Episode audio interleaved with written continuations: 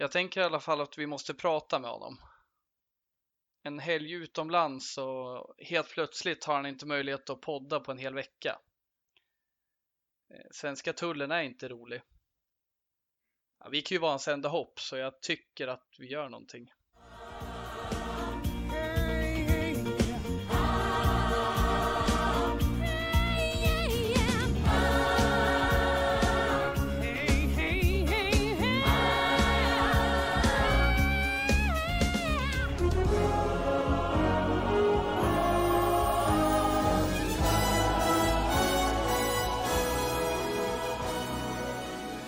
Hjärtligt välkomna ska ni vara till Red Army Sverige-podden avsnitt 93.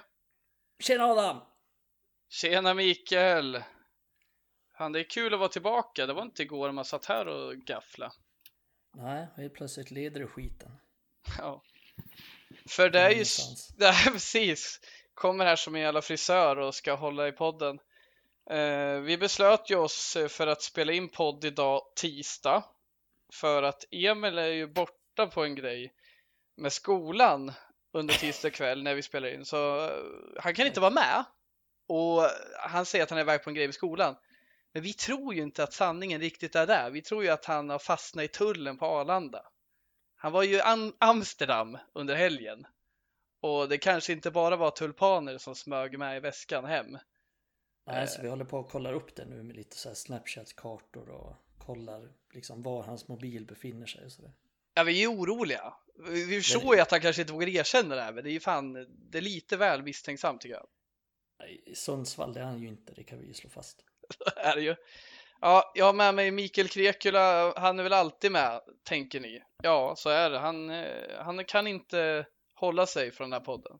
Och jag det är ju jag glad för, för i alla fall. Ja, jag måste få utlopp för, för mitt snack här. Ja. Eh, tror du att vi kommer se Emil igen, Mikael? Eller höra honom igen? Ja, det är fan, eh, jag skulle inte sätta pengar på det i alla fall. han är förlorad, en förlorad son nu. Ja, jag är orolig för honom, men som sagt, jag, vi, vi, vi måste... får ju skramla ihop något här för att baila ut honom från tullen eller något. Ja, jag funderar på att höra av mig till hans flickvän och se om hon kanske är orolig med. Hon vet ju inte någonting, tror jag. Han säger att han ska mm. iväg dit. Ja, Stackarn. Men eh, eftersom att Emil inte är med och vi vill gärna vara tre stycken, gärna fler, så har vi med oss eh, Rasmus Ivarsson, en eh, redaktionsmedlem på Red Army Sverige. Välkommen Rasmus! Tack så mycket för välkomnandet. Du har ju inte varit med tidigare i podden. Du har ju lyssnat såklart, men du har inte varit med och delat med dig av dina kunskaper och din vy av Manchester United. Men kan inte du presentera dig lite kort för lyssnarna, vem du är? Eh, yes, eh, Rasmus heter jag, 24 år gammal, eh, född och uppvuxen i Härnösand. Folk brukar absolut inte veta vart det ligger, så jag brukar säga att det ligger fem mil norr om Sundsvall så brukar de i alla fall ha någon koll. Jag har pluggat i Växjö i fyra år. Nu för tiden bor jag i Västerås där jag pluggar företagsekonomi på Stockholms universitet och varvar det med jobb på ICAs lager. Så mm. mer glamoröst än så blir det inte. Okej. Är det varmtempererade lager eller kalltempererade lager du jobbar i? Minus 25 grader, så det måste det? slita för att hålla sig varm. Härligt, härligt. Det är... Va? Det är inte sant va? Är det... Jo, det är, jo, det, är ja, det jag tänkte. Jag är ju från... Packa eh, pommes och skit. Jag, jag bor ju nära, eller jag var uppväxt nära Kronfågel. Och där har de ju också så här, jobba i kylrum och frysrum. Det är ju tuffa förhållanden. Det gäller att man orkar hålla i så att man inte, om man släkar då blir man kall och det är inte så jävla skönt. Det är synd om de som inte fyller kvoten som de sjunger i Kung Keops pyramid. Då ligger du där sen som en kycklingbit i en påse. Säljer de dig i det här kampanjtorget på ICA Maxi i, i Skara liksom. Men det är bra träning, slipper man gå på gymmet så jävla ofta. Jag, jag tänkte ju säga att han fixar det, han är ju norrlänning men det är fan tveksamt om jag vill säga att Härnösand är Norrland. Det beror på vem man frågar. Ja. Vissa är ju Gävle Norrland så. Ja, men de vet ju ingenting. Det är vi som är från riktiga Norrland som har vetorätt på det. För ja, mig så är, jag inte, så är jag inte norrlänning på så sätt. Nej, exakt. Gå, gå inte det, det går nog gränsen, jag ska säga. Härnösand, det kan vara gränsen till Norrland.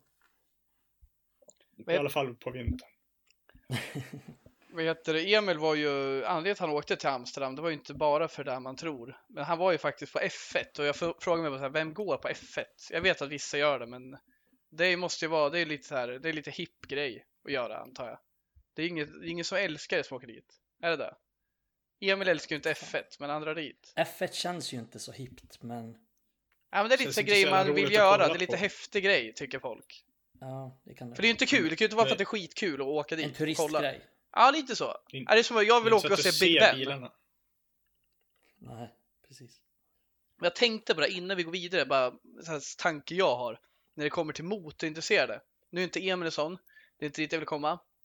Men jag har alltid haft en känsla att om jag har haft så här motorintresserade klasskompisar eller arbetskompisar så kan de ha jävligt mycket problem med fotboll och fotbollsspelare och sådär. Men det är inte tvärtom och vad fan handlar det om? Känner ni igen det? Det här med att fy fan hatar fotboll, det är så jävla töntar. Men vi som är fotbollsintresserade går ju inte att hata folk som älskar rally eller go-kart liksom. Vi bryr oss ju bara inte. Håller, håller ni med i det jag säger? Eller känner ni ens igen det? Jo, men jag känner, känner definitivt igen det och det känner man verkligen igen när man kommer från Pajala också. Att det finns ganska många motorintresserade som har agg mot fotboll. Ja. Nej, men det, väl, det har väl att göra med att fotboll liksom är det största och de utsätts nog för fotboll ganska mycket mer än vad vi utsätts för Formel 1 eller rally. Så det är väl säkert väl samma därför med- Det är väl samma med hockeyspelare också som tycker att alla filmar i fotboll, fotbollen liksom. Att Fotboll är en jävla bögsport! ja, det är väl där motorn. Det är mycket coolare att köra en bil i 300 km i timmen än att springa runt på en fotbollsplan. Ja, och jag tror det finns någon slags avund också, för det vi vet ju att fotboll är världens största sport och det tror jag det gnager på folk. Det kan vara allt från intresse att man tycker fan det borde vara mer som kollar på volleyboll för det är ju mycket roligare. Och det, man borde ju tjäna lika mycket för de gör lika mycket. Så det finns Vet- någon vet avundsjuka där tror jag. Jag vet vad de alltid säger. Nej. Det händer för lite i fotboll. Ja, Det händer ingenting. jag tycker det är intressant. Alltså, jag är ju inte bara intresserad, det är ju samma mer. Men det brukar jag säga till folk. Det handlar ju inte bara om att se bollen flyga mellan olika plandelar på en match. Det handlar ju om att följa fotbollen. Och där skulle jag absolut kunna vara intresserad av hockey eller till och med volleyboll. Men det finns ju ingen, finns ju ingen att följa där riktigt på samma sätt tycker jag. Jag tycker fotboll är så bred i sitt eh, parallella del utöver spelet. Allt från klubbar till turneringar, historia. Det är ju det jag uppslukas av framförallt. Ja, men bra, du känner igen det här med de här raggarna va, som hatar fotboll. Du är inte ensam med den tanken. Jag tänkte på det här när Emil Nej, vi, vi kommer ju alla från ganska små städer så. Vi, Ja. Jag tror alla vi känner igen det här. Definitivt. Småorter, från Valla till. Pajala till Härnösand. Det är fint hörni. Ja, men vi ska väl snacka lite fotboll. Eh, vi tänkte avhandla lite grejer i det här avsnittet, bland annat Eh, ska vi skrapa lite på ytan på vad som innebär med det som hänt under landslagsuppehållet och vad vi gör med det framöver. Vi ska även en kortare summering av transferfönstret, vad det innebär för vidarekomning av eh, hösten. Och sen ska vi gå in på kommande match mot Newcastle. Jag tänkte att vi, vi inleder lite med att transferfönstret är stängt och eh, vill gå över där till dig Mikael. Liksom, James, Danny James lämnar, vad ska du prata om nu i podden? Jag pratade ju om Pereira fast han blev utlånad. Och fast Ja, han skulle lämna Det har vi fått kommentarer om, det, det noterar folk. Så är det ju. Det är, det är lite samma sak som vi, vi kommer vi kommer nämna Burnley fast de är nere i League One om några år. Ja. Ja, men det Det speciellt. fortfarande vara parallell till Burnley. Ja, vi hade vunnit, hade det varit Burnley hemma, då hade det varit tufft men så Chelsea hemma, det är inga problem. James har fått extremt mandat i början på säsongen, så det känns ju som det här kommer öppna möjligheter för mer talangfulla spelare helt enkelt, nu när han inte är med. Eh, jo, det, det, det kommer det väl någonstans göra fast inte ändå helt säker på det eftersom vi är så jävla många på den positionen och det är många som fortfarande ska få speltid. Ta en sån som Jesse Lingard som var suverän i West Ham och som var suverän nu i ja, men starta för England liksom och även om det var Andorra så, så var han ju deras bästa spelare mot Andorra. Eh, och han har ju knappt fått spela någonting så att det finns ju en, en jävligt fet bredd som vi har.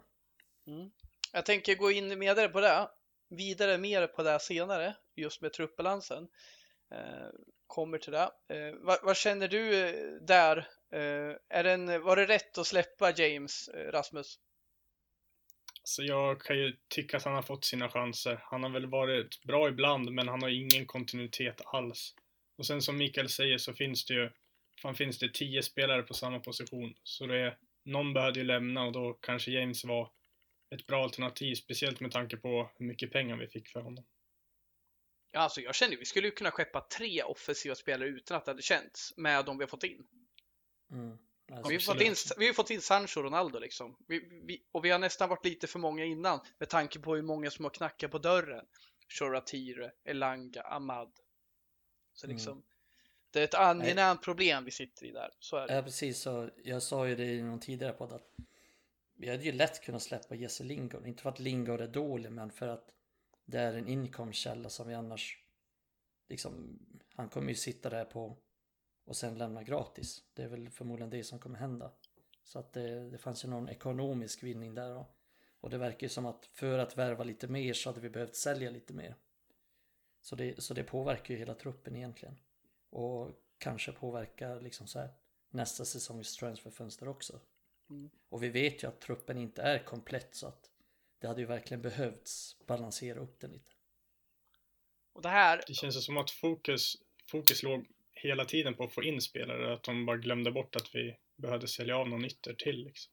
Att det mm. kom som en chock att de hade tio yttrar på deadline day. Liksom. Ja, och frågan exakt. är liksom om så många har frågat efter de här spelarna också. Just eh, det verkar ju, man har ju hört att Donny har blivit efterfrågad enligt hans agent typ. Och man vet ju att James blev det. Men det verkar som, man har inte varit källa på att eh, auktionera ut de här så att säga. Det är mest de här lånen som har gjort klart tidigt, hyfsat tidigt eller vad det. Ja, men United kräver väl lite för mycket för typ Jesse Lingard. Eh, jag läste någon summa att United vill ha 30 miljoner pund, men säg att United skulle sänka den till 25 miljoner pund eller 20 kanske. Ja, då har du förmodligen fått sålt honom till West Ham. Men ja, det gäller ja. ju vad man prioriterar sig. Jag hade ju lätt sålt Jesse Lingard för 20-25 miljoner pund. Det hade varit en bra vinst. Och ja. United behöver inte honom i truppen. Alltså, jag, jag, kan inte se ett scenario den här säsongen någonsin liksom. Där United be kommer behöva Jesse Lingard. Det är klart han kanske kommer spela någon ligacupmatch här och där. Han kommer hoppa in här och där. Men jag kan inte se någonstans att Nej, fan hade vi haft Jesse Lingard här då hade vi vunnit den här matchen. Jag kan inte se han gör någon skillnad överhuvudtaget. Men Mikael, samtidigt, förra säsongen så var vi på väg och skulle sälja Romero, men där skulle vi liksom bara ha några pund till. Då tyckte mm. du ändå att vi skulle stå på oss och inte sälja för billigt. Jag kan tycka att Lingard är värd 30 miljoner. Tycker du inte att 20 är lite för lite för honom? Nej, jag tycker nog ändå inte det. Alltså med Romeros fall, En av Premier Leagues typ bästa att... spelare förra säsongen. Mm, men med Romeros fall, då var det typ så här att ja, men få en miljon pund liksom för honom. Det tyckte jag var alldeles för lite. Då, då kan man lika gärna släppa honom gratis. Då kan man lika gärna stå, stå på sig. Men när det gäller liksom så 20 miljoner pund, för det är ju det.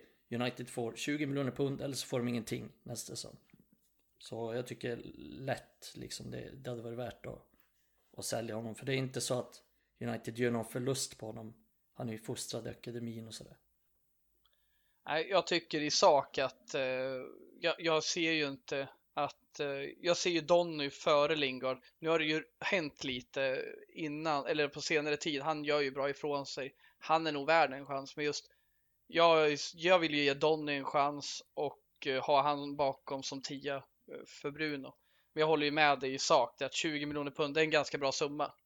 Men just jag vill vara inne på det här vi har snackat om tidigare. Ibland skriker vi på att vi ger bort spelare och ibland då ska mm. vi bjuda bort dem nästan. Alltså vi, vi är lite vi är lite hoppiga där tycker jag United-supportrar. För vi har ju varit sura på att vi blir piskade i rumpan av våra motparter. Eh, och det här tycker jag då i det här samtalet, Danny James för 25 miljoner pund, det är ett jävla bra affär alltså. Det är sjukt bra affär. Mm. Det är ju fan nästan vad vi köpte det... Ahmad för. Alltså. Ja. Men sen är grejen det Micke säger också, Lingard är ju så här, det är 30 eller 20 miljoner nu eller inget nästa säsong. Det finns ju vissa spelare som, ja men får du inte sälja dem för 30 nu, då kan du ju ändå sälja dem för 20 nästa säsong för att de har kontrakt till 2024. Mm. Det är det som är problemet, att har man ett år kvar på kontraktet, då är det ju bättre att bara skeppa iväg dem. Mm. Ja, man behöver ju inte förhandla in i helvetet liksom. Det är ju bara att ja, men ge med sig då. Sätt 30, men vill de för 20 och vi har hur många alternativ som helst, ja, det är bara att skeppa. Ja, jag är enig där.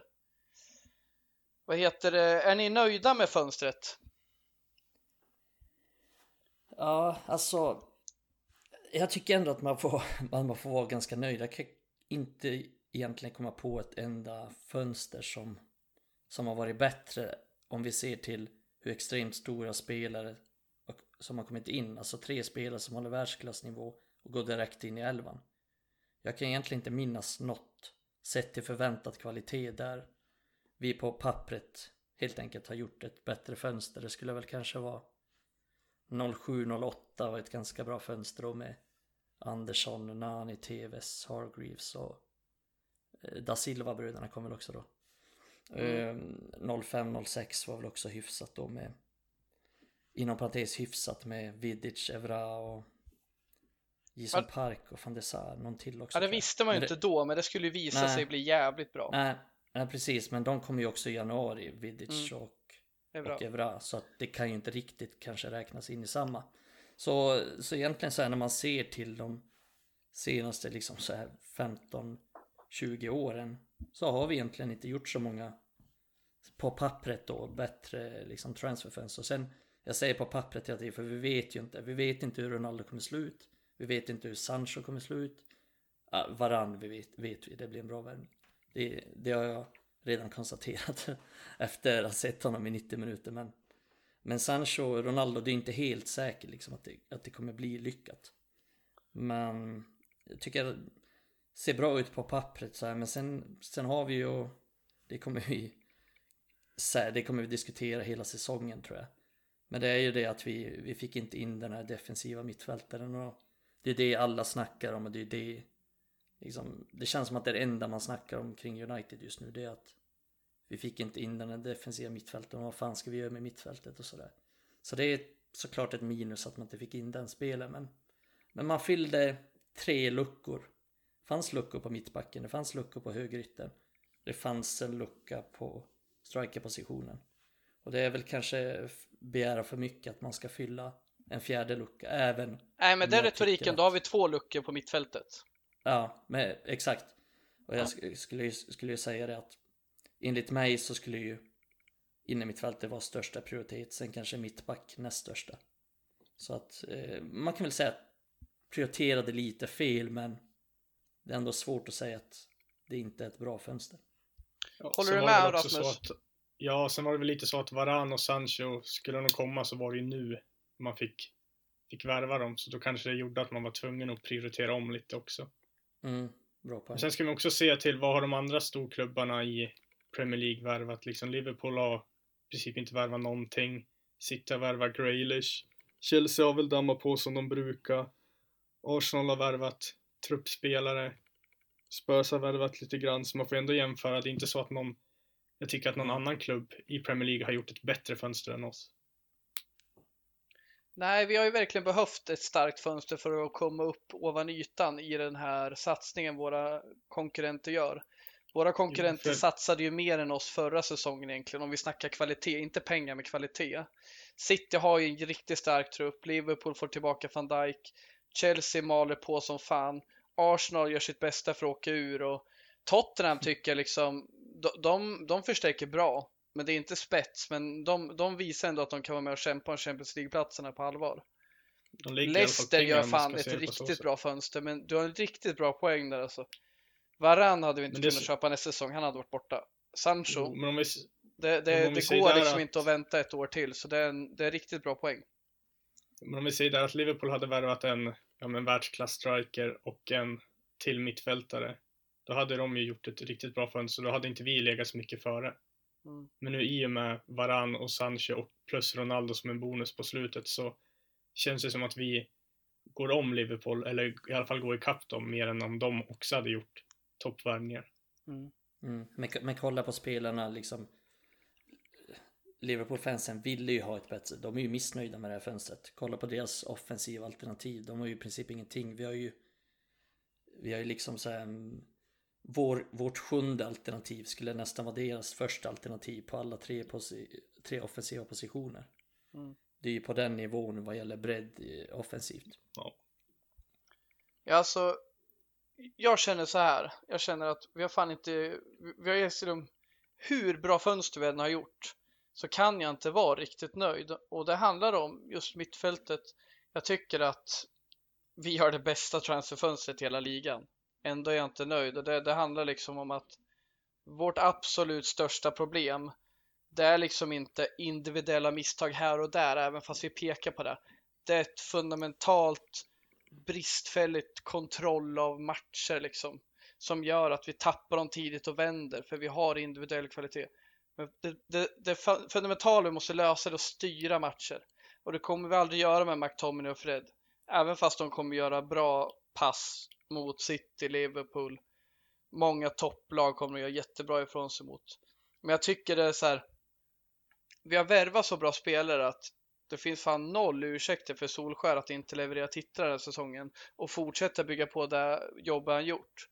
Men jag tror att ah, det här kommer bita i arslet under säsongen för han, hans största bekymmer det är inte att Lindelöf tabbar sig då och då. För det var inte hela tiden, men det, det man visste var att Lindelöf är inte kanske tillräckligt jävla bra. Vi visste inte som Maguire var tillräckligt bra.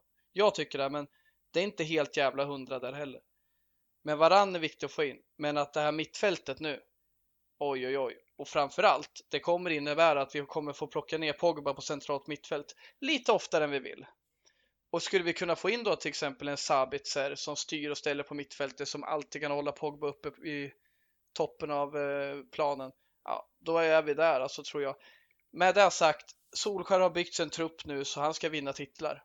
Men hade jag fått vara hans rådgivare så skulle han alla gånger ha till exempel dissat Ja, han hade kunnat dissa både Sancho och Ronaldo för att hitta en världsklassmittfältare, för det är exakt det han behöver. Ronaldo kommer göra mål åt honom, men det kommer andra göra med. Och jag tror det blir en bra värvning, Ronaldo. Jag tror också att Sancho blir en jävligt bra värvning. Men där uppe har vi kvalitet. Vi, har gjort, vi vräkte in mål förra säsongen. Men mittfältet, det var inte tillräckligt bra. Och Matic en sån spelare, den skulle vara skeppat. Tack och hej mm. Mattis, du har gjort jättebra ifrån dig. Jag älskade dig för tre år sedan. Jag älskade dig en stund för ett och ett halvt år sedan med. Du var fantastisk. Men nu, du ska inte vara ett alternativ på Manchester Uniteds mittfält. Den tiden är förbi. Men jag förstår vad ni menar. Vårt fönster är faktiskt tillräckligt bra för att vi ska konkurrera. Det kan man inte säga något annat om. Vi har, vi har värvat in riktigt bra spelare. Det, det, är inget lag som, är, som har ett perfekt lag, som har en perfekt trupp. Så jag tycker ju att det finns ju inga riktiga ursäkter även om det finns svagheter på mittfältet. Det är inget snack om saken. Alltså det finns individuella svagheter. Men det finns också strukturella problem som du säger. Det är att vi spelar ingen bra fotboll på mittfältet. Liksom vi, vi, vi är dåliga i uppspelen, vi är dåliga på att lösa situationer, vi är dåliga på att spela, spela oss ur. Och det är ju delvis en personalfråga. Att Fred McTominay, de är inte tillräckligt skickliga men de är ändå så dåliga är de inte. Så att de inte ska liksom kunna klara av att vi ska kunna prestera som lag. Mm. Men sen är, sen är det ju, det är ju prioriteringar som, som, ni, som ni båda nämner innan. Att, men jag tror att till exempel Ronaldo-värvningen, det är ju väldigt mycket en Glazer-värvning. Även ja. om Ole också såklart vill ha dem, det tror jag. Men där ser vi också en, en prioritering att det är klart, vi skulle ha värvat en innermittfältare istället för Ronaldo. Det är inget snack om saken tycker jag. Nej, det... Det, är också, det är också där så här, Ole har ju, ja, som Micke säger, det är inte värdelösa spelare på mittfältet. Ole har väl kanske hösten på sig att försöka få, få något av mittfältet, eller göra något av mittfältet så att det inte bara blir som det har varit under hans tid. Jag menar, skulle han inte lyckas, ja då får man väl se på nästa år som, ja, då kanske du har råd att lägga pengar på en mittfältare då. Men det är så här, det bästa vore ju i bästa av världen att han lyckas få någon lösning på mittfältet. Någon kanske mystisk lösning som man inte har tänkt på. Liksom alla sådana här äh, förslag som supportrar kommer med, då är ju inte Donny inte med, då är det så här McTominay Fred eller McTominay Pogba. Så jag menar, det finns ju alternativ som man inte har testat så mycket som lika väl skulle kunna fungera för att eh, släppa in färre mål till exempel. Mm. Sen är det ju bara att kolla på matchen mot Wolves till exempel. Det är ju det är katastrof hur det ser ut. Ja. Och det handlar ju inte bara om att Fred är en jävla sopa och att Pogba är en sopa. Utan det handlar ju om att de har ingen aning om vad fan de ska göra i den här matchen. Det är ju Fred springer omkring helt själv medan Pogba mest joggar omkring. Och när vi har så offensivt balanserat lag, för, för det är offensivt balanserat. Med de yttrarna vi har, Greenwood jobbar inte mycket hem. Sancho vill inte jobba mycket hem. Rashford, när han spelar, vill inte jobba någonting. Ronaldo kommer inte ta ett steg nedanför egen planhalva. Ja, då måste vi ha vi måste helt enkelt ha spelare som hjälper till och det är lätt att sitta och säga att ja, men Fred, fy fan vad dålig han har varit den här säsongen. Och ja, han har inte varit bra. Men han får göra ett helt mittfältsjobb helt själv. Har Pogba bredvid sig mot Wolves och Pogba gör inte så mycket. Och det utnyttjade ju Wolves verkligen när de satte in Traoré centralt. Och göra bort dem gång på gång. Så de kommer förbi det hela tiden.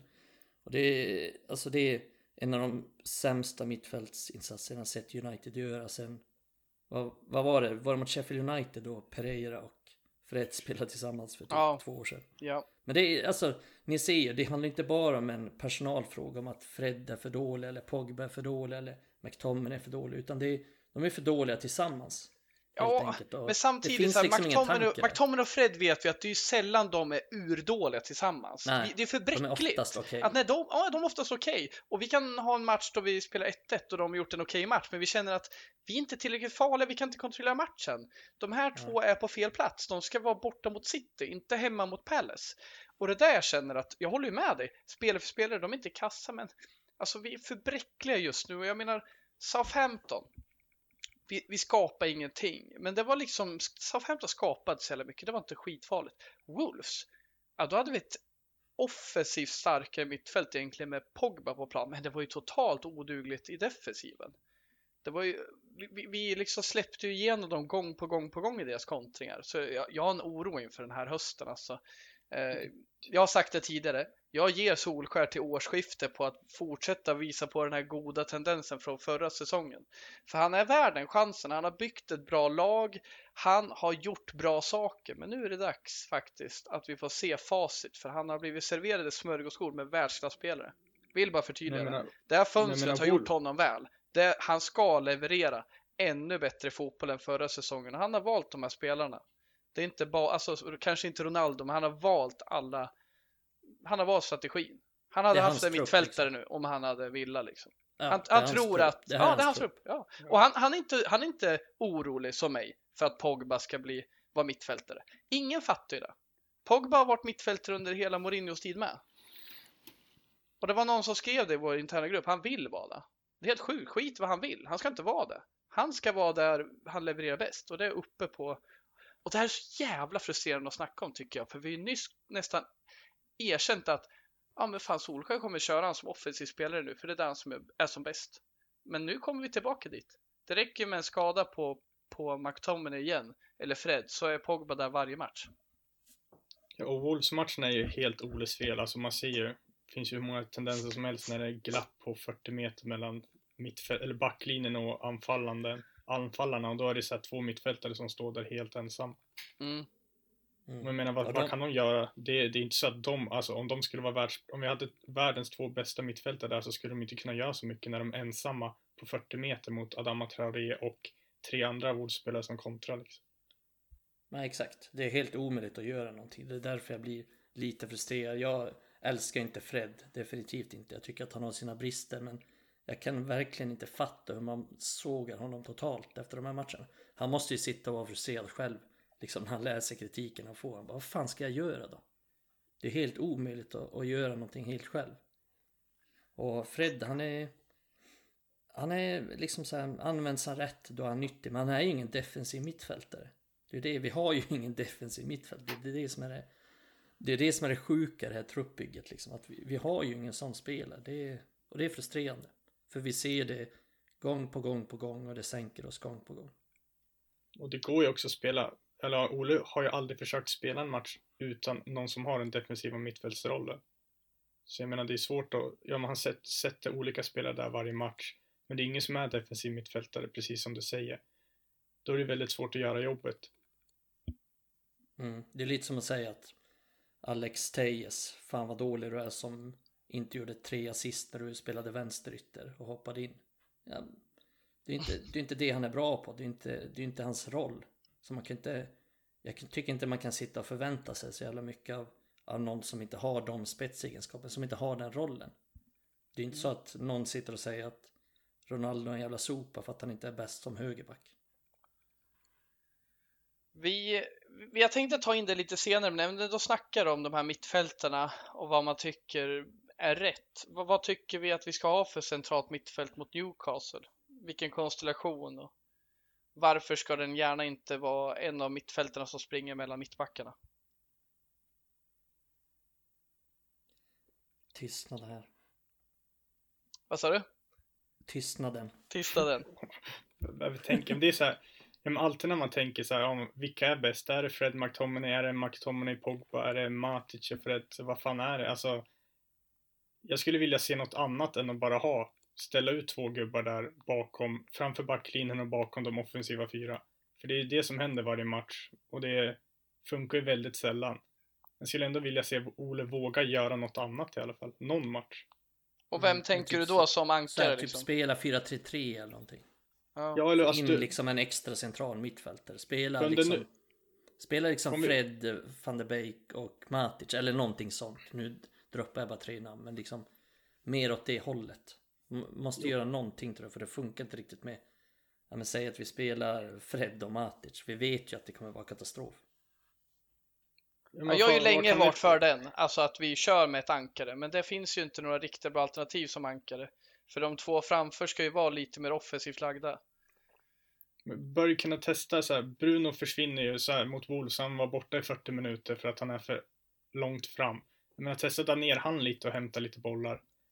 Det blir i alla fall delaktig i det offensiva spelet. Sen kanske inte han hjälper så mycket defensivt, men om vi kan ha, ha mer boll på mittfältet så skulle det i alla fall hjälpa oss att ha mer kontroll över matcherna.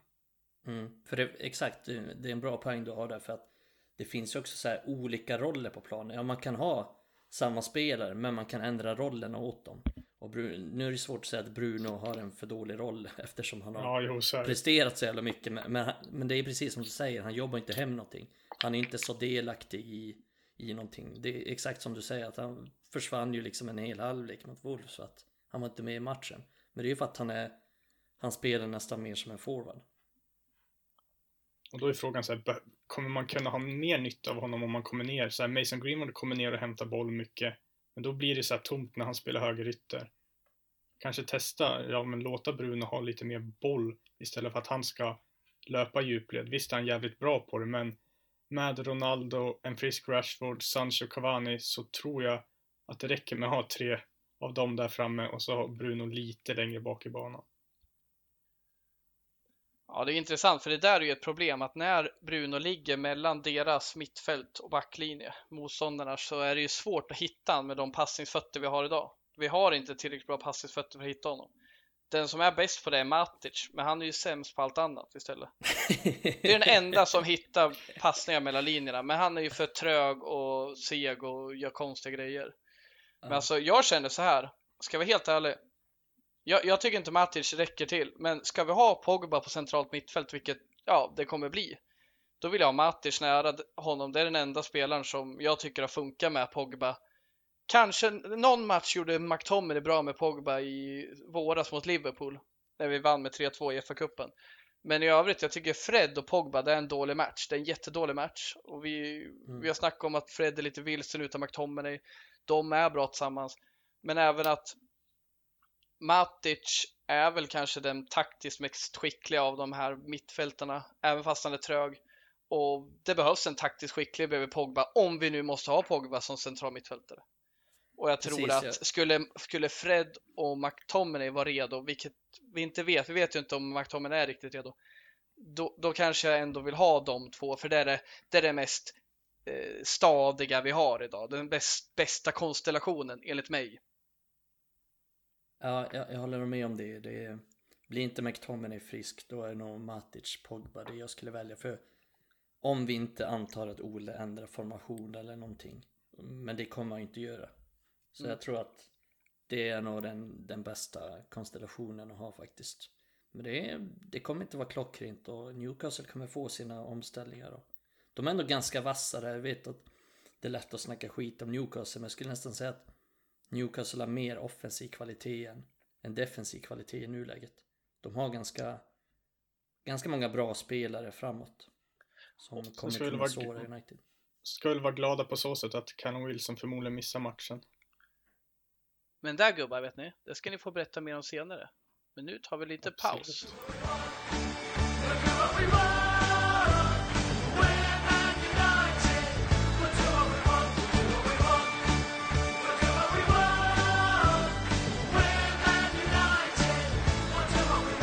Ja, och vi närmar oss lite snack inför helgen med Newcastle, men innan vi går in närmare på helgens motståndare tänkte jag avhandla lite händelser och nyheter eh, under och efter landslagsuppehållet. Vi är ju fortfarande under ett landslagsuppehåll när vi spelar in, men vi närmar oss ett slut där.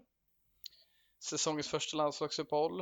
Eh, vad heter det? Vad, vad, här, först, vad, vad tycker ni om landslagsuppehåll? Själv känner jag att när det är landslagsuppehåll, det är, väl, det är väl bara två saker i världen jag hatar mer än landslagsuppehåll och det är ju som jag berättade innan lukten av riskakor och sen de här chipparna Maguire gör mot Shaw. Eh, förr i tiden i alla fall. Och. Mino Raiola. Och Mino Raiola, precis. Så den är ju där uppe bland saker jag avskyr. Men hur känner ni med landslagsuppehåll? Jag tyckte ju om det förr, men jag gillar det inte längre. Alltså det är ingen spänning att kolla på matcherna egentligen. Så Spanien-matchen var kul, men det är en match man kollar på. Så jag sitter inte och kollar på England mot San Marino eller Spanien mot Georgien. Utan det tar bara massa jävla tid. Sen är det ofta är det tre matcher, så här, skaderisken är hög. Alla toppklubbar har alltid någon som är skadad. Det är just det där att det liksom skaderisken alltid. Det finns en jävla ond bubbla över hela skiten. Ja, och sen fuckar upp fantasylaget också, om man, inte- om man ska nämna det. Varje gång. Ah, fan, jag vrider på mig bara vi tar upp landslagsuppehåll här. Ja. Ah! Det som är positivt från landslagsuppehållet nu inför Newcastle så här, det är att Maguire och Shaw vilade ju sista matchen och eh, Lingard gjorde ju succé med två mål och en målgivande framspelning. Och det är ju ganska bra förutsättningar med sig inför återstarten av PL, eh, känner jag i alla fall. Men eh, har ni Mm. något han där? hade typ, han hade typ såhär Sofascore betyg 9,5 eller något sånt. Ja, det är jättebra. in... Notera att han inte blev utsedd till matchens lirare, för det blev Bukayo Saka. det här är sant. Ja. Ja. Nej, och han var ju bra hela matchen liksom har jag förstått det som. Men äh, det är ju intressant att se som jag nämnde tidigare. Jag har ju Donny. Jag vill ju se Donny få speltid och leverera. Jag tror vi kan få ut mycket av honom. Men fan, det blir svårt för Solskär att och inte ge Lingard chansen nu heller. Lingard som fått jävligt snålt med speltid eh, initialt. Eh, det här är ju, det här är ju intressant alltså. Jag tycker det. Vi snackade ju om det innan den här säsongen som vi är i nu Mikael, att det är dags att sälja Lingard. Men han, det är ju någonting där, han är ju verkligen, han kämpar ju sig kvar, det gör han ju och han eh, gör sig ju värd att få spela med med de här resultaten i landslaget. Bara att han får starta där tycker jag är intressant. Mm, det är faktiskt intressant. Men det är ju för att Southgate gillar honom väldigt mycket. Och... Ja, och han gillar inte Greenwood, så Greenwood får stanna hemma. Precis. Äh, men Greenwood kommer väl bli uttagen så småningom tror jag. Men han kan liksom inte 2024 ignorera tror jag han blir uttagen. Han kommer ta ut honom i truppen, men sen om han kommer spela honom, det vet jag inte. Det är ju lite som med Jadon Sancho. Han gillar inte riktigt Sancho heller. Men han har ju med honom i truppen för att han är för bra för att lämnas utanför. Eh, ja, nej men eh, på tal om Sancho, han lämnade ju landslagslägret tidigare med skada. Alltså han är inte med eh, längre där och han rehabbar ju. Har ni någon mer info där? Jag har inget mer. Vi behöver inte gå in djupare på det eller så, men det är väl värt att ta upp att ganska verkar färska väl. nyheter om honom. Ja, men det verkar väl som att han är spelklar till matchen mot Newcastle. Det ska Ja, det inte vara jag, några vad jag har hört konstigheter. också. Förmodligen så kände han av någonting och sen vilade han någon dag sen var han tillbaka i träning liksom. Och på tal om, ska och på tal om skador så eh, har vi ju sett bilder att Alex Telles, Dean Henderson, Scott McTominay är med och tränar. Alla närmar sig således eh, spelartruppen.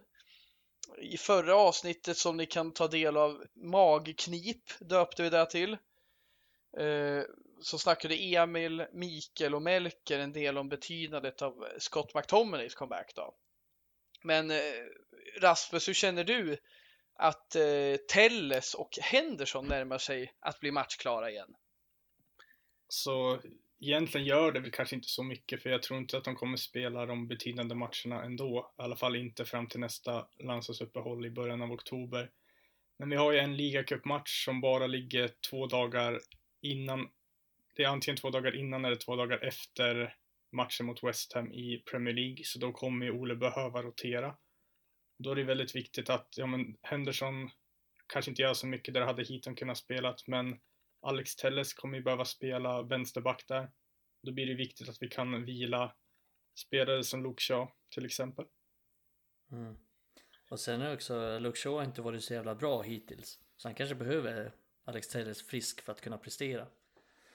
Eh, men i övrigt så tror jag att det, det blir väl lite så när ligacupen drar igång, eh, CL drar igång att man kan rotera Luke Shaw så här. Men sen målvakterna, det är ju de Gea skulle kunna stå varenda match här. Det är inte så att han blir utsliten av att, av att spela. Så jag vet inte om det gör så mycket att Henderson kommer tillbaks. För att om vi ska gå in lite på den diskussionen så har ju...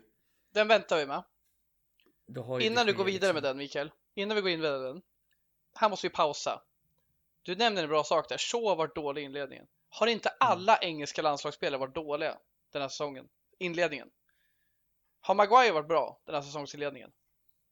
Nej. Har Shaw varit bra? Nej. Har Sancho varit bra? Nej. Verkligen inte. Det är intressant ja, att nämna och det är ju en tokig inledning på säsongen. Men nu när du sa det där, nej, Shaw har inte varit så bra. Och det är inte att han varit dålig, det är att vi förväntat oss jävligt mycket av honom. Han var ju skitbra i våras. Sancho mm. är en bra spelare, det finns anledningar där med. Han har varit sjuk, ny klubb, första gången han spelar i Premier League som senior. Maguire har vi jättestort förväntan på, men han höll ju fan på trilla av pinn mot uh, Wolves liksom. Ja, men jag tror att det är någon Intressant tycker jag. Sak. Mm, så mm. är det ju. Det finns ju anledningar mm. till det, men det är intressant att ta upp. Mm. Ja, det hade jag inte tänkt på, men det är ju just de verkligen som har som har varit, ja men typ, typ Sancho, han ser lite, lite tung ut i steget och sådär.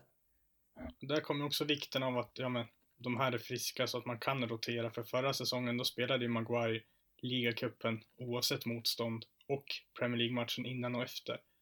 Nu kanske man kan spela Bailly och Vigge mot West Ham i cupen och så får Maguire vila en hel match. Det är kanske precis vad som behövs i Speciellt nu när han ändå spelade en match under landslagsuppehållet och sen är det match igen nu på lördag så det smäller ändå ganska mycket med matcher. Jag, jag har ju ingen stress alls. Ta inte in Bajir nu, det blir kaos. Nej, kaos honom ska vi avhandla sen. Jag har ingen stress alls över någon av de här berörda spelarna som spelade med engelska landslag i somras.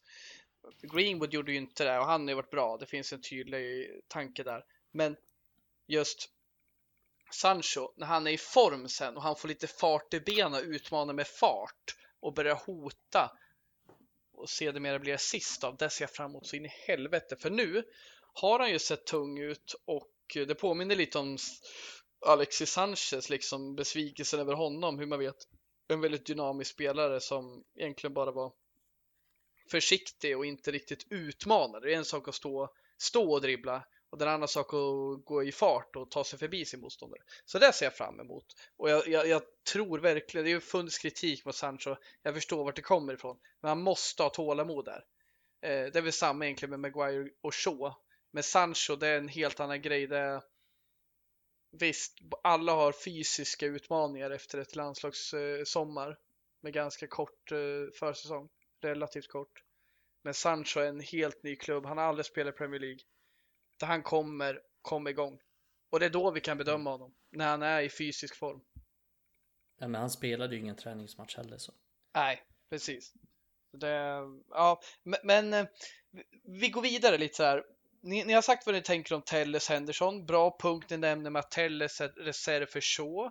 Vi kommer behöva vila Shaw, för det är så att hur mycket vi än snackar om Shaw som Roberto Carlos, jag har erkänt honom så in i helvete att det är en fantastisk spelare.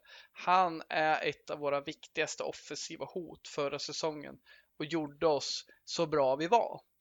Men han kan inte spela 60 matcher i rad utan att gå sönder. Det kommer bli problem, så vi kommer behöva rotera honom för hans kropp. Han har fysiska problem sedan tidigare och de kommer inte bara upphöra. Även fast hans humör är bättre. Och det kan ju såklart också påverka fysiskt tillstånd. Är man tjurig och tjurar ner sig så är det lättare att kliva av och så vidare. Saker som Mourinho påpekar och så vidare. Men, men för att gå in lite på punkten ni snackade där om David de Gea, Mikael, ska jag släppa lös dig. Men jag vill avbryta det för vi ska ta rätt saker i rätt, i rätt hörn. Men David de Gea har ju stått för en grym inledning. Tycker du att han borde få första platsen nu efter denna start på säsongen, Mikael? Tycker du han ska Eh, behålla första platsen eller ska vi ge Jo, över den till Henderson när han kommer? Nej, absolut inte. Sedermera. Jag, jag menar inte imorgon, jag menar inte imorgon, men ska han vara första målvakt om en vecka, om en månad eller om tre månader? Ja, det beror ju helt på hur, hur de Gea presterar, men som jag ser det nu så finns det ju absolut ingen anledning att byta. Eh, Det vore ju liksom vansinne bara om man sl- slängde in Henderson helt plötsligt nu. Eftersom de Gea varit så bra i inledningen av säsongen, men det är ju fortfarande ett osäkert kort och alltså en osäker position. Kommer, kommer de Gea komma tillbaks till fornstora dagar? Det är ju egentligen omöjligt att säga, men det, liksom, det, det kommer vi få se framöver men, men som det ser ut just nu så finns det ingen anledning att, att ändra på det. För han har varit så pass bra så att det börjar kännas stabilt med honom faktiskt. Håller du med Rasmus? Ja, absolut. Och speciellt så här, vad jag har hört om Henderson. Han har nyss börjat träna, men han har ju tappat så pass mycket. Han tappade jättemycket vikt under sommaren. Jag menar, det var ju flera, det var ju, tror det var flera månader han var borta till exempel. Alltså från, från träning helt och hållet. Han kunde göra lite små övningar, men han har inte kunnat träna på riktigt förrän senaste veckan. Så det är ju så här mycket tid som har försvunnit, speciellt för en målvakt.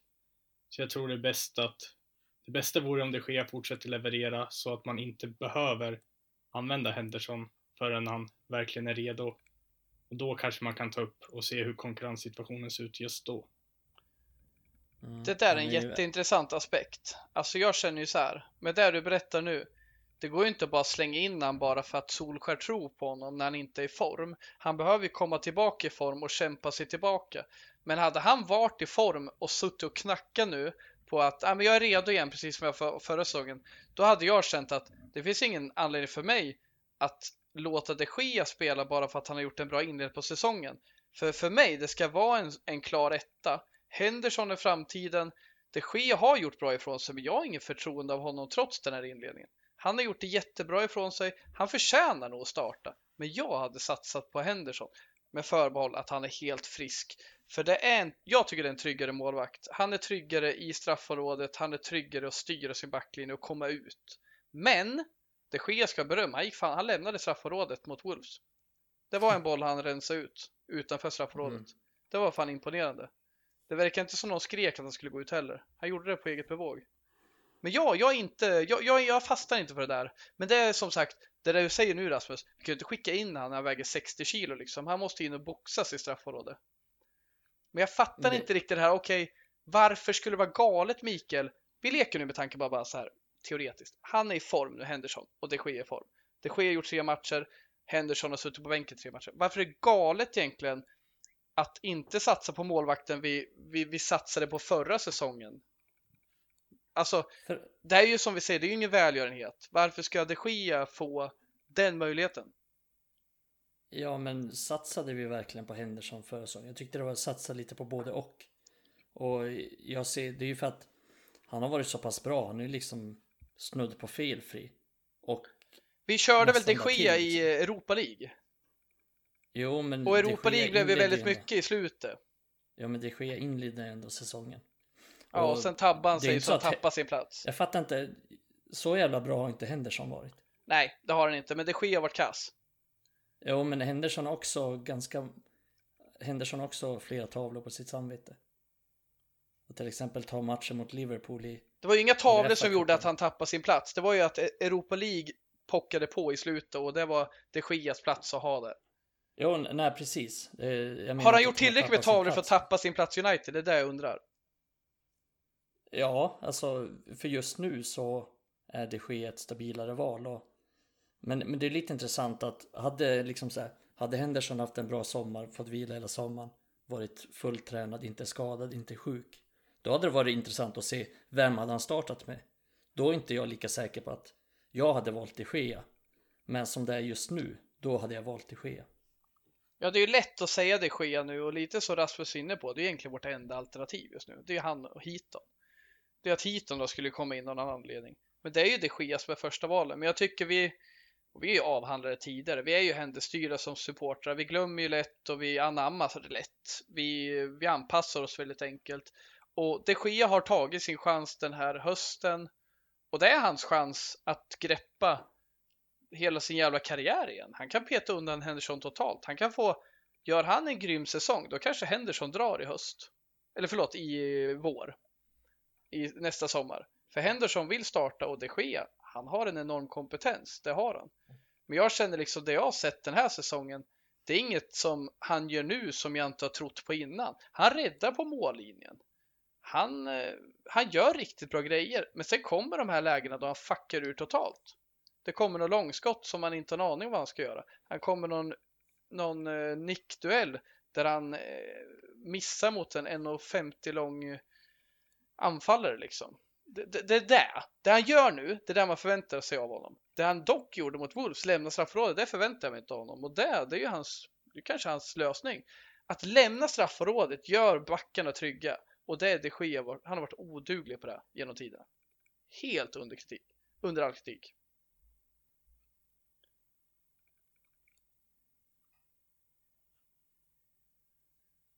Ja, nej, det, det, det, håller jag med om. Det har han ju varit såklart. Men, men ser vi bara till, till den här säsongen, då tycker jag att han har liksom gjort allt det han ska. Jag, jag kan inte komma på något så här på rak arm att fan den där duellen gjorde han dåligt eller den där situationen gjorde han dåligt.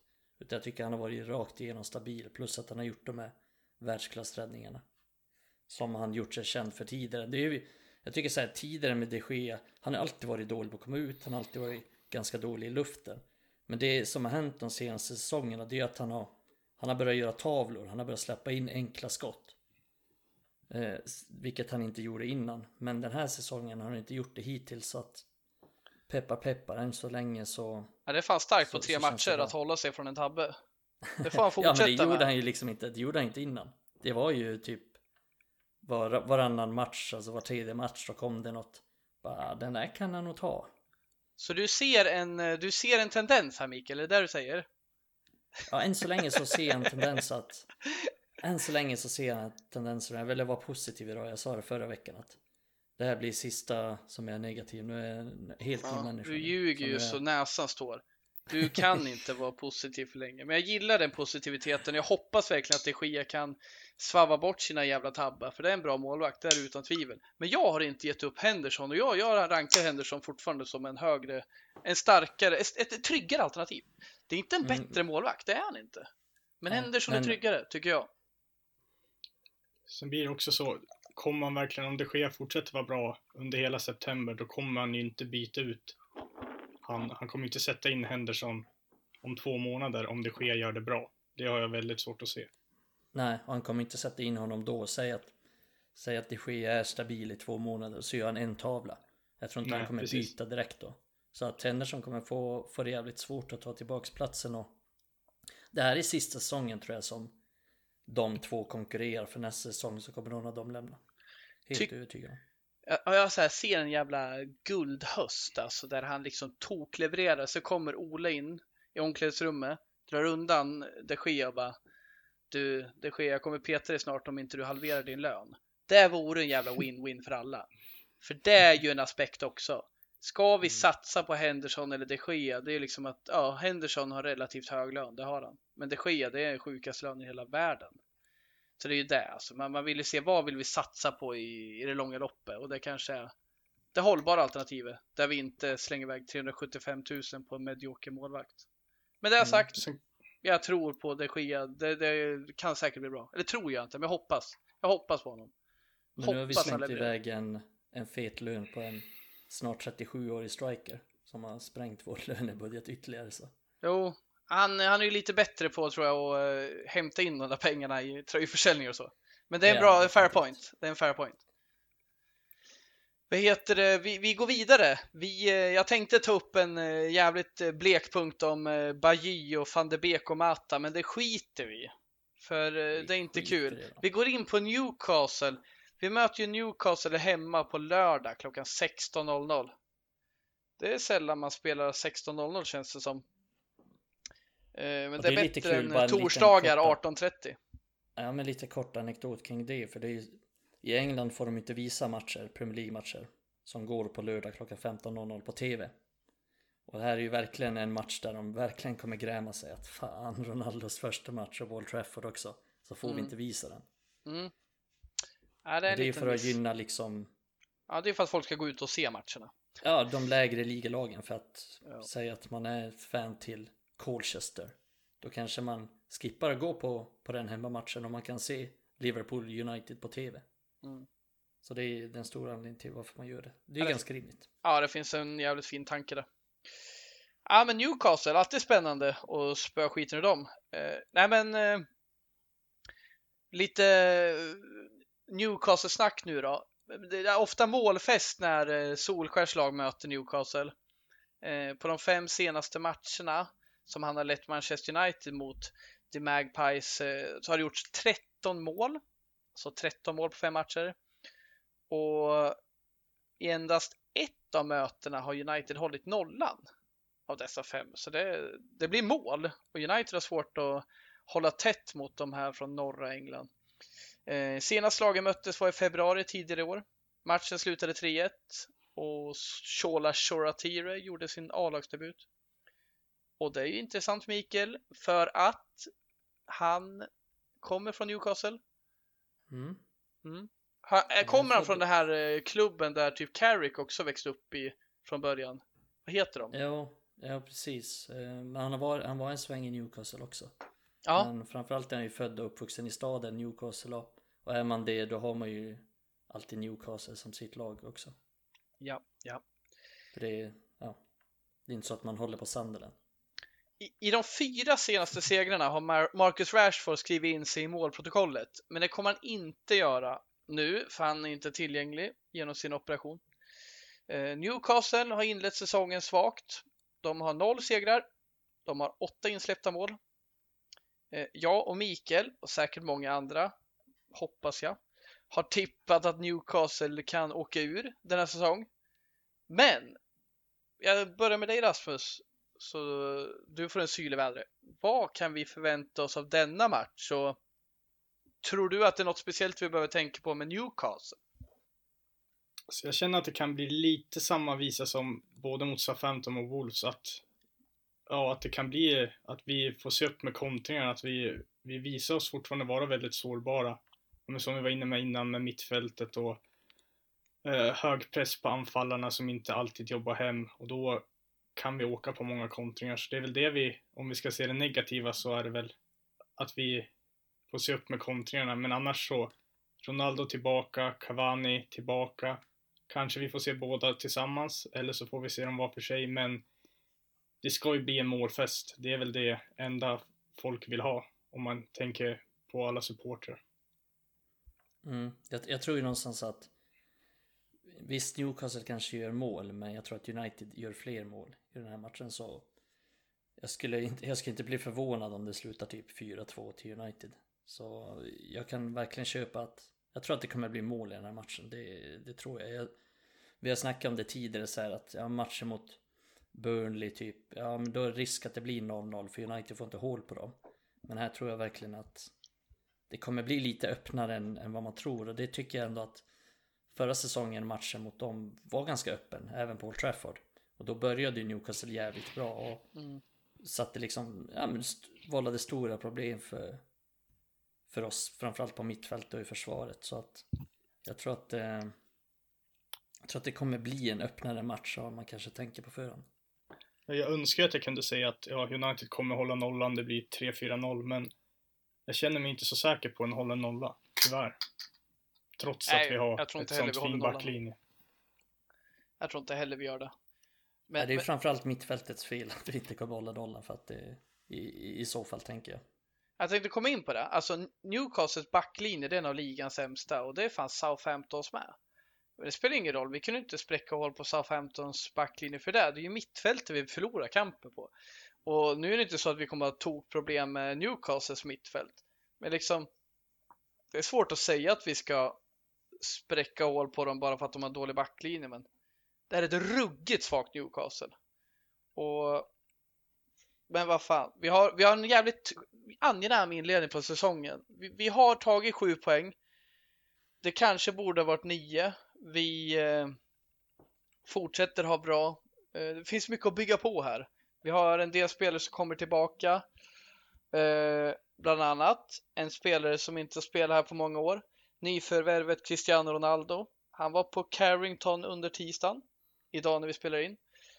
Eh, och gjorde sin första träning med laget sedan han var, blev klar för klubben. Eh, detta då han fick lämna landslaget lite tidigare. Han fick en permission, ett tillåtelse att eh, lämna då han var avstängd inför deras andra match under uppehållet. Tror ni han får starta mot Newcastle? Tror ni han får spela mot Newcastle? Jag tror ju definitivt att han kommer få spela, det är jag helt säker på. Men jag tror att han kommer starta också.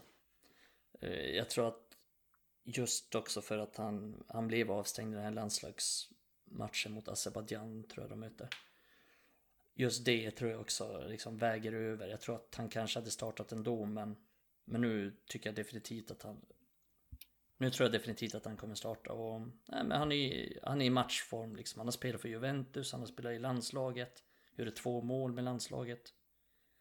Eh, Så jag tror att han kommer vara den som spelar nia för United och sen har vi inte så eh, vi har inte haft så många alternativ där i inledningen av säsongen. Det är ju det är Cavani kanske som, som finns som alternativ. Men han har ju inte spelat, han har ju spelat en träningsmatch tror jag. Nu bakom stängda dörrar. Men annars har han inte, han har inte varit med i, i någon av ligamatcherna eller så. Så att jag tror att det väger över för Ronaldo. Plus att ja, men Ronaldo kommer tillbaka till Old Trafford och ett fullsatt Old Trafford dessutom. Så nej, jag, jag kan inte se något annat. Men Cavani kommer ju det- få, han kommer ju få startplatsen. Sen kommer han bara, nej men jag ger den här till Ronaldo, precis som jag gav han min tröja. Han är liksom, Men hade det varit... han hade står och dreglar över sin idol Ronaldo där. Ja, men hade det varit så här Liverpool borta, då är jag inte säker på att Ronaldo hade gått in direkt från start. Nej, det finns ju taktiska aspekter. Nu gäller det bara att Mm. ha någon som gör mål när vi styr Mm. spelet. Och mot Liverpool då är det ett annat spel. Det är en intressant aspekt såklart. Hur känner du där eh, eh, Rasmus? Jag trodde inte heller, det var ju fortfarande lite osäkert när han skulle börja träna. Det var ju så här, vissa medier rapporterade att han bara skulle hinna få en träning innan Newcastle. Och då var det väl väldigt, då var man ju väldigt skeptisk till om han skulle få starta. Men nu när han redan börjat träna idag, hinner göra några pass i veckan, plus det är Newcastle hemma, fullsatt, då finns det nog, det är nog nästan 100% chans att han startar skulle jag säga. Jag tycker det är så här konstigt om, vi stre- om han stressar tillbaka, eller st- tillbaka är fel ord, men om han stressar till träningen för att komma igång så här pass tidigt. Det gör han ju för han vet ju om att han kommer få eh, starta då. Eller alltså det finns ju någon tanke där tror jag. För att Han ser ju rubrikerna framför sig. Ja, men liksom, han kan ju sitta på bänken om han kommer på fredagen. Det är ju inget problem. Alltså, vi har ju inget bättre alternativ att vara på bänken om Cavani skulle stanna, eh, starta till exempel. Så vi har ju, det är Cavani och Ronaldo som är våra riktiga strikers. Sen är det Greenwood såklart, absolut. Men Greenwood tänker jag ska starta ändå, fast eh, på en, i en annan roll. Jag vill ju att Greenwood ska vara anfallare, men det går liksom inte att, det går inte att riktigt eh, tala för det med de här två alternativen nu. Nej, men, nej men Greenwood är ju, är ju given. Alltså antingen till höger eller centralt liksom. Han har Mm. ju, för att han har fler, fler positioner han kan spela på. Men också för att han för att han, nej men han har varit vår mest pålitliga offensiva spelare hittills den här säsongen. Det är han som har avgjort matcherna för oss egentligen. Så han är, han är helt given i den här matchen.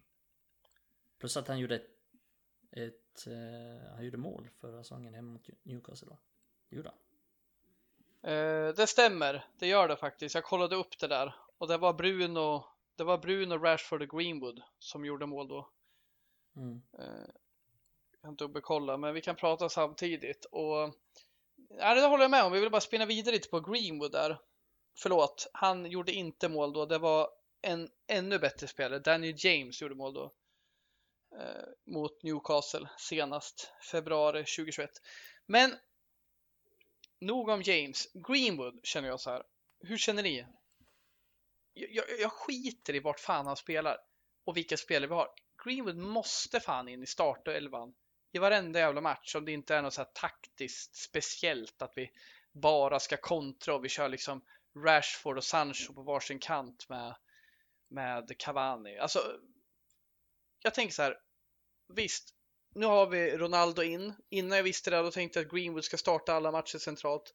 Men jag tycker det är en så jävla skicklig spelare. Han har startat väldigt bra.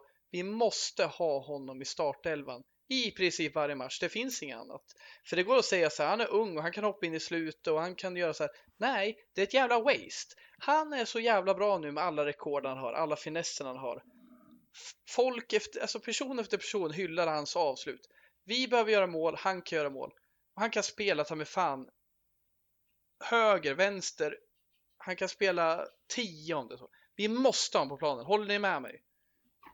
Ja, jag håller med. Speciellt nu. Ja, men Rashford är borta. Sancho lite tveksam. Den är James är såld.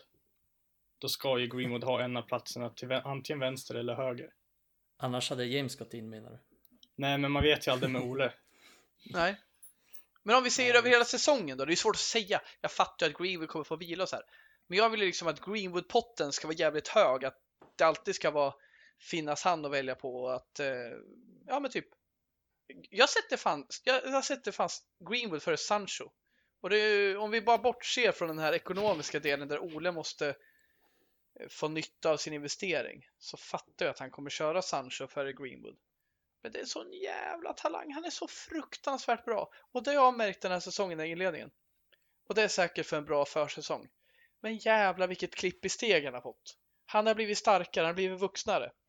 Det är inte så att han var slö innan, men han har inte haft det som ett S. Men nu, första två, tre, fyra stegen när han kliver förbi en spelare, de är rappare än tidigare. Och det gör ju att han lättare har att hitta avslutet i bortre. Helvete vad vass han är. Han mm. kommer bara bli galnare. Det är ett jävla waste att ha på bänken. Ja, Herregud. Det, det, kommer bli, det kommer bli intressant att se vad Ole gör framöver för att Ja, nu kommer han ju säkert göra så, så att han lägger Pogba ner istället. Men tänk att Pogba också skulle kunna ha en så här offensiva position. Och så har vi Rashford och Sancho och Greenwood och Martial och Ronaldo och Cavani. Så han, han får ju verkligen ta beslut där och jag hoppas verkligen inte att, att Greenwood blir en av dem som hamnar på bänken. För det är som du säger, det vore en jävla waste att, om det händer. Men det är... Förmodligen så, så kommer det hända. För jag tror inte att liksom så här, när alla är fullt friska och alla är i bästa form då, då är det svårt att se att han petar varken Rashford eller Sancho. Och Greenwood kanske är lättare att lyfta åt sidan. Det enda är nu om man fortsätter, det han behöver göra är att fortsätta leverera speciellt mål så att Ole verkligen får svårt att peta honom. Om man mm. går fyra, fem matcher utan att göra något mål, då kommer det bli lätt för Ole att argumentera för att ja, men Sancho ska spela istället. Mm. Rashford ja. ska spela istället när han kommer tillbaka. Men om man skulle fortsätta göra, vad är det, sex eller sju matcher i september och han startar de flesta och får göra fyra, fem mål, då blir det ju svårt att peta honom. Ja, nej, nej, precis. verkligen. Och framförallt när han spelar liksom som ytter och gör mål. Det är en jävla ynnest att ha en sån spelare som kan hitta de målen, även fast han inte är given striker hela tiden. Och så har det ju sett ut under hans, alltså hans tid under Solskär. Det är ju inte alltid han har fått eh, spela central men ändå så har han ett bra facit. Eh, andra spelare i truppen, vi, vi, vi, vi tog ju lite där Mikael eh, Rasmus, Fred, du nämnde det Mikael, tycker du han här, tycker ni att Fred ska spela mot Newcastle? Vi var lite inne på det tidigare, men jag har det som punkt. Han har varit ganska dålig, precis som många andra. Matic har också varit dålig. Men bör Fred starta mot eh, Newcastle? Eller ska han bänkas? Nej, alltså lite som jag sa innan så hade jag nog valt att spela Pogba och Matic centralt. Om nu inte McTominay blir frisk. Men alltså, hade alla varit tillgängliga då hade jag spelat McTominay Fred. Mm. Så att det är lite Freds, liksom det dåliga med Fred är ju att han har, han har inte varit bra med Pogba, han har inte varit bra med Matic. Så att han funkar liksom i nuläget bara med McTominay nästan. Mm. Så det är, man får gå lite på konstellationer där och där känner jag mig just i den här matchen också att det kanske är tryggast med Pogba och Matic men långt ifrån långt ifrån liksom nöjd med det och jag får ändå säga att jag är orolig inför matchen med det inne i mitt fält. Ja men det är intressant. Vad heter det? Vi, vi, vi ska avrunda lite här med ett kortare ämne. Eh, vi har ju ett eh, tajtare schema här på gång. Vi har eh, Champions League härnäst. Det känns ju jävligt spännande att vara med i Champions League. Så att vi kan åka ut ur, eh, i gruppspelet. Eh, och eh, påbörja vår resa i Europa-ligan. Men vi möter Young Boys och så kommer vi möta, ha, ha Premier League snart igen och så kommer vi ha ligacupen. Hur känner ni där? Har ni liksom ett, några särskilda tankar inför Champions League? Alltså turneringen där vi ska delta. Vi möter Young Boys på tisdag 18.45. Eller har ni något ni tänker så här också? Hur, hur, tycker ni att vi, vad ska vi mönstra under de här turneringarna? Vi har snackat om att vi har en, vi har en jävligt eh, bred trupp liksom. Vi har många spelare som knackar på dörren. Hur är känslorna inför ett tajt schema inför Champions League? Jag tänkte att Rasmus ska få börja. Champions League är ju lite tufft för vi börjar med Young Boys borta, sen har vi Villarreal och Atalanta hemma. Sen vänder det ju, då är det ju eh, Villarreal borta, Atalanta borta och sen Young Boys hemma sista matchen. Så vi är ju väldigt beroende av att få en bra start i de tre första matcherna i Champions League. Mm. Innan vi kan börja att snacka om att man kanske kan lufta lite spelare där. Så det gör ju att vi kommer behöva mönstra ett väldigt starkt lag, både Champions League första tre matcherna tills vi ser hur, hur det har gått. Har vi fått nio poäng där, då kanske man kan börja se, kanske räcker med 12 poäng för att vinna gruppen. Då kanske man kan lufta de två sista matcherna. Men vi har ju egentligen inga, inte råd att rotera i fler matcher än ligacupmatchen mot West Ham den 22. Nej, det, det är en intressant aspekt, för det är lätt att se. Vi, vi, vi, man, vi skickar ut B-laget mot Young Boys, men det är fan inte, man måste ju se till helheten. Det tycker jag du säger jävligt bra där. Och just att ligacupen mot West Ham, den skulle jag kunna vaska, men Champions League, där har vi underskattat tidigare. Så in i helvete och gjort bort oss. Mm. och den vill inte Solskär göra igen. Nej, problemet är att den enda riktigt enkla matchen vi har på pappret, det är ju sista matchen. Young, Young Boys, Boys hemma. hemma. Ja. Så det är, och det är ju lite tufft då att, för det måste vara en bra start. Young Boys borta, klart det är ingen supersvår match så. United borde kunna rotera fyra, fem stycken och kunna vinna den ändå. Men det är lättare sagt än gjort. Och som ni säger är United väldigt beroende av en bra start och jag tror Solskjaer känner mycket från, från förra säsongen att ja, vi har nog inte riktigt råd att, att få en dålig start här. Så det, det kommer bli tufft men vi har extremt, jag tror han kommer rotera mycket offensivt. För vi har, där har vi väldigt bra alternativ och snart kommer Rashford tillbaks också. Så då, där kommer han ha, ha råd att rotera lite och, och det tror jag att han kommer göra. Men jag tror att han kommer vara ganska intakt så med, med backlinjen i, i de inledande matcherna i Champions League. Vi har, vi har snackat om att vi har eh, vi har eh, fått in en del spelare som täckt en del luckor. Vi har fått en bredare trupp. Vi har fått tillbaka spelare på lån. Det har vi inte nämnt nu, men det vet de flesta om. Som följer United nära. Är det några särskilda spelare ni tror att ja, men de här kan ta sin chans nu i Champions League, i ligacupen när det roteras? Eh, är det några speciella namn ni vill lyfta där? Jag känner väl att Jesse Lingard är en sån som kan som kan ta sin chans. Eh, och han, han kommer behöva ta sin chans om han ska liksom vara påtänkt den här säsongen. Men, men Martial är en sån som, som kommer få chansen i, i ligacupen och i, i Champions League så småningom. Så han är också en av dem. Och Cavani kanske inte kommer vara första valet så han är också en sån som kommer behöva ta chansen. Men sen ska det bli intressant att se. Det finns ju Dalot. Vad kommer hända med honom? Kommer det ska bli intressant att se vad Ole gör om han kommer. För förra säsongen så roterade han ju aldrig. Han bytte ju aldrig ut Fanbisaka egentligen. Utan Fanbisaka spelar varenda match. Nu ska det bli intressant att se hur han gör med Dalot. Ja, hur är det med Dalot där? Har vattnet runnit under bron för honom? Eller har det stått stilla och luktar ägg? Har han utvecklats? Är han en kompetent spelare? För Manchester United? Han spelade Nej, Milan alltså- förra säsongen för de som inte vet. Han var utlånad, spelade både högerback och vänsterback.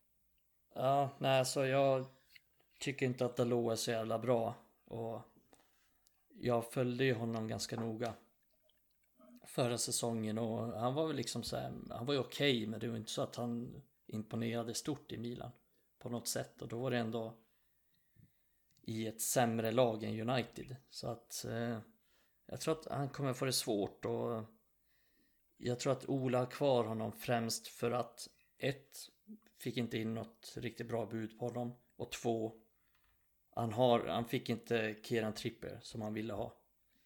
Eh, Så att det, det är den stora anledningen till att Dalot är kvar. Så är inte riktigt säker på om man litar på honom i någon stor, stor utsträckning. Men Dalot kommer garanterat spela i typ ligacupen.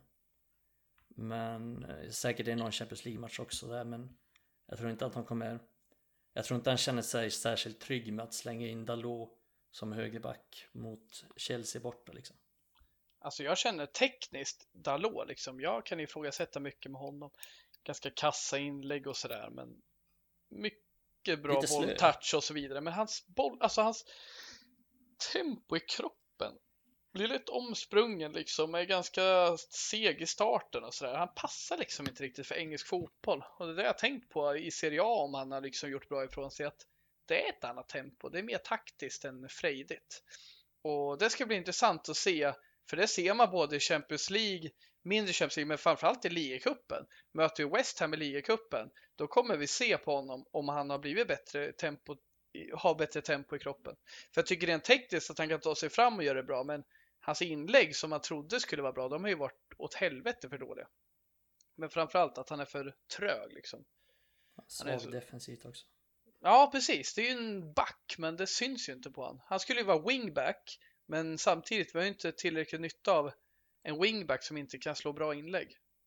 Nej men både han och Alexeus är egentligen bättre som wingbacks tror jag. Än som, Mm. än som vanliga ytterbackar. Så att båda de skulle faktiskt passa i ett 3-5-2. Nu har vi ju möjligheten att dels har vi fler mittbackar men också möjligheter att rotera ytterbackarna. Och vi skulle välja det alternativet. Och det är inte lite. Rasmus, hur känner du med eh, spelare att lyfta upp? Är det några du vill dela med dig av just under det här tajta schemat där det kommer bli utrymme för de som kanske initialt är reservspelare? Alltså man har ju alltid tänkt så här, Donny van de Beek, jag tror dock inte att han kommer få chansen i någon, kanske inte från start i Champions League, det skulle jag inte tro, inte inledningsvis. Får han starta i ligacupen, då beror det också på vart får han spela, får han spela centralt på mittfältet, får han spela i en offensivare roll? Det är väldigt svårt att säga. Sen är jag också inne på det, de kommer nog rotera ytterbackarna och mittbackarna. Kanske inte Champions League, kanske någon spelare där, men Främst är det väl som Micke sa, de offensiva spelarna. Att de som kanske har suttit på bänken i ligan, att de måste visa framfötterna när de väl får speltid i kupperna. Till exempel Martial. Han kanske inte tilltänkt att starta, men får han spela mot Young Boys borta, om då kanske han behöver stänka dit något mål för att han på allvarligt, för att Ole på allvar ska ha honom i tankarna framöver. Sen är det också spännande om, ja men Elanga, han blev ju inte utlånad. Kommer han få spela någonting? Kommer han bara få sitta på bänken? Det är också något som folk är väldigt spända på att se vad som händer med honom. Mm. Intressant med där- Langa där, för han, han, ska han vara kvar nu? Han måste ju spela de här matcherna, ligacupen. Eh, Alltså Ahmad, han hade ju kanske inte en plan att vara kvar. Sen tycker jag att han ska spela visst, men Ahmad har man tänkt låna ut, men Elanga har man ju tänkt ha kvar. Han måste ju spela de här och han kan ju leverera, det har vi sett. Jag tycker han är mogen, jag tycker absolut han är redo. Men Men, men, då är Ska ju, ju spela. jag håller med och det är det som är så intressant och lite konstigt. Det är att okej, om du har kvar Elanga då är du ju tänkt att använda honom, antar jag. Men tänk på alla som ska ha spel till också. Är, vi har inte ens nämnt Juan Mata, han ska ju också in där någonstans. Ja, där är Eller? det så här. Ja, jag har ju varit väldigt kritisk till att förlänga med Mata just för att så här, när ska han få spela? Så här, det är så här, om han ska spela de här matcherna, men då finns det ju två andra alternativ som, till och med tre alternativ som kommer före honom och då är det så här, varför förlängde man med honom då? Mm. Jag, jag, lovar att Mata kommer starta i Champions League. Ole har en tanke där att han har erfarenhet av Champions League. Han har vunnit Champions League. Han kan den här turneringen, så han ska spela. Jag tyckte han spelade väldigt mycket Europacup fotboll förra säsongen. Jag, jag, tror det. Jag vill inte det. Men det är intressant det du säger Rasmus. Initialt tänkte jag van de Beek. Nej, jag håller inte med. Jag tror visst han kommer starta, men nej, Champions League är för viktigt. Jag tror inte Ole ger han det mandatet. Ole har mer förtroende för Mata och eh, Maguires chippar till Shaw än han har för Donny van de Beek. Det är det lägsta, för det finns ingen som har lägre förtroende för någon än Ola har för van de Beek. det är hans hundögon. Ja, och då är det sådana spelare, till exempel van de Beek, ja, då finns det en match de kan få spel till det och det är ju ligacupen mot West Ham. Mm. Och då är det så här, ja, det är kanske är en Säg. match som vissa spelare får på sig att visa upp någonting. Ja, säg att United åker ut i den matchen, vilket ja. är... Det är troligt, liksom. Det är inte otroligt att United åker ut i den matchen mot West Ham.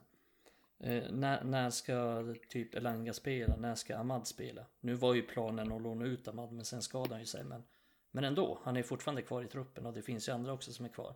Typ Hannibal, när ska han spela då?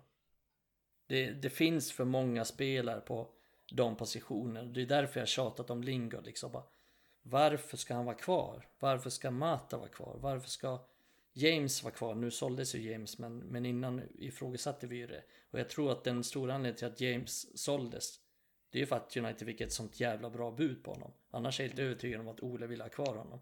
Mm. Så att man undrar ju lite så här, vad ska han med alla spelare till? Så att jag är väldigt spänd på att se honom, liksom så här, hur ska han hantera alla de här kupperna? Hur ska han ge mm. speltid till alla?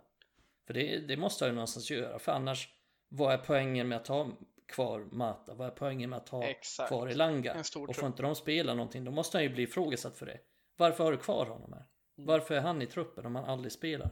Ja, men Ole vill ju gå långt i alla turneringar tror jag och jag tänker så här, West Ham, det spelar ingen roll om vi roterar och har liksom sex reservspelare på, bänk, eller på planen för vi har så bra reservspelare idag, framförallt på offensivt att det ska inte vara konstigt att och eller så defensivt med. Vi kan ha Bajy och Lindelöf. Det är inte sämre än de backarna de har i West Ham. Så jag tänker, alltså, alltså det handlar ju för honom att få ihop det. Och då är vi tillbaka till det fundamentala en grundspelidé som alla fattar. Då spelar det ingen roll hur mycket egentligen du roterar. Det är mer konstellationer. Funkar de här två mittfältena bra ihop? Ja. Funkar de här två mittbackarna bra ihop? Nej, kanske inte. Vi måste ha en Nick Stark också. Då tar vi in Maguire och Bajy. Ni förstår vart vi vill komma och, och han har ju det att bygga mm. med. Så för två år sedan, då kunde jag säga att startelvan, nej, men vi kanske inte kan leverera det här. Men, men, men ligacupen med. Ah, fan, jag förstår, det är svårt att få upp det med Mata offensivt mittfält och sen Pereira och Fred. Det, det, är liksom nu, han har världens jävla smörgåsbord att jobba med. Mittfältet, förbehåll. Men han har så jävla bred trupp och stark trupp. Jag vet inte, finns det, det är väl bara City som har bättre offensiv i ligan liksom? Eller har de ens det? De har ju blivit av med Agüero, de har ju bara en anfallare egentligen. Ja, det är fan... Nej men här, kanske... vi har fått in Ronaldo, är ja, deras offensiv bättre? Det är den inte. Ja. Men problemet blir också... Nu börjar jag gå upp ja, i falsett för att jag blir så... problemet blir ju att det går att rotera, men problemet är att han kommer ju ändå behöva bänka spelare i rotation. Om vi ja, säger att det finns, finns tre platser att rotera med sex spelare, då är det tre stycken som är utanför B-laget om man säger så. Och det är ju, mm. de tre spelarna kunde ju vara någon annanstans. Elanga hade kunnat vara i Championship. Absolut. Mm. Mata hade men... kunnat varit någon annanstans för mm. att Martial ska spela istället. Till exempel. Ja men exakt se, se på matchen mot West Ham nu, den kommer ju ändå ganska snart. Då kommer man ju, då kommer man ju behöva sätta in I ligan Martial. eller ligacupen? I ligacupen? Ja, ja. Då, måste, då kommer man ju behöva sätta in Martial eftersom Martial inte är första. Han kommer ju behöva sätta in Cavani eftersom Cavani knappt har spelat något. Han kommer ju kanske behöva sätta in Sancho eftersom Sancho behöver komma igång. Det är ju det, alltså Elanga är ju fortfarande knappt med på bänken i den konstellationen. Det, det är så jävla många där som, som behöver speltid och som behöver komma igång och som ska hållas nöjda också. Så att mm. jag ställer mig frågan till om det verkligen var ett bra beslut att behålla till exempel Elanga. Jag försvarar min, inte. Min åsikt så här kring Lingard och vet ni redan. Jag försvarar inte, men det som är också det är att Cavani och Martial är ju väldigt skadebenägna. Vi kan nästan räkna med att de tillsammans kommer vara borta typ 50 matcher den här säsongen. Så det finns ju möjligheter där för de här att knacka på. Langa kan ju fortfarande spela med U-laget liksom. Men jag håller med er i sak. Jag, jag, tror för, för deras utveckling så hade det varit jävligt bra att de är borta istället för att sitta åt sidan. Och Mata ja, kanske exakt. inte är aktuell, men Mata kanske ses lite mer som en, en hjälpledare mer än en spelare. Så det finns ju något annat där. Men i han sak håller jag med er. Han har någon slags Lee Grant-roll på en matta. Ja, det har han. Mysfarbror liksom. Ja, men typ så här, sprider bra stämning. Fet, feta kontrakt till de som sitter och sprider bra stämning. Det känns som att vi hade kunnat göra det. Vi tar några bärs i omklädningsrummet, sitter vi där håller lite låda. Pengar finns så att säga. Ja, vi snackar Pengar mycket West, West Ham och West Ham och West Ham, men det är ju så att vi möter Newcastle nu, tisdagen efter Young Boys, ligahelg efter möter West Ham och ganska snart igen är det ligacupomgång mot West Ham. Och så drar det vidare. Tight schema som sagt, så eh, det ska bli intressant att se vad vi kan göra med den här breda truppen. Jag har höga förväntningar för Solskär. Han gjorde det bra förra säsongen. Nu ska han bygga vidare på det här.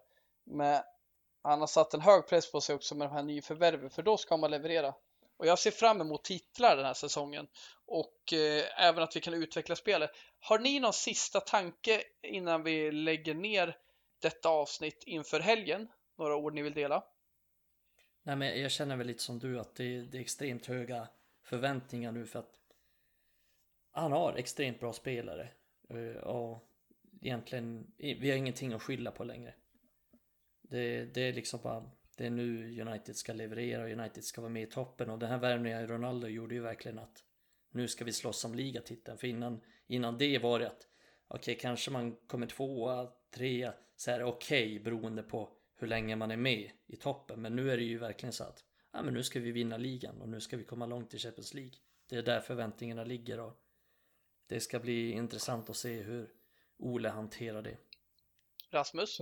Jag är också inne på det, september, att det är en väldigt viktig månad för det är ju landslagsuppehåll i början av oktober. Sen efter det så är det ju väldigt tufft spelschema. Det är bland annat Leicester borta, Liverpool, Tottenham och City plus två bortamatcher i Champions League. Så om vi inte levererar nu, hur kommer det då se ut när vi ska möta topplagen och är jättepressade? Så det är väldigt av vikt att vi tar de poängen vi behöver nu i september mot kanske lite på pappret enklare motstånd. Det håller jag verkligen med om. Eh, jag vill tacka er. Eh, först och främst eh, Mikael, tack för att du var med igen. Vi blir inte av med dig. Nej, det blir det inte. Jag hör av mig Mikael till Emil Sambo och du fortsätter ringa honom så får vi se jag om vi kan få fram sanningen. Jag försöker ringa Emils pappa också. Och ett jättestort tack till Rasmus som gjorde sin debut. Känns som det varit med här hundra gånger för det var inga tokigheter alls. Skitkul att ha med dig Rasmus. Vi ser fram emot att du är med igen i podden. Tack själva. Eh, vi kör vidare. Vi ser fram emot Newcastle. Fortsätt följa oss på Twitter, Instagram, Facebook. Vi har många inlägg som har kommit ut nyligen under landslagsuppehållet som ni kan eh, ta del av. Vi kommer fortsätta maxa inför Newcastle. Eh, senaste nyheterna hittar ni på Twitter. Tack för att ni lyssnar på oss. Eh, fortsätt dela inlägg, fortsätt gilla inlägg. Tyckte ni det här avsnittet var bra, gå in och gilla det på Twitter och Facebook. Eh, vi är ytterst tacksamma för alla inspel vi får från er, det är superviktigt och i slutändan är vi en familj, Red Army Sverige här. Eh, vi hörs nästa vecka. Ha det gott! Vi hörs!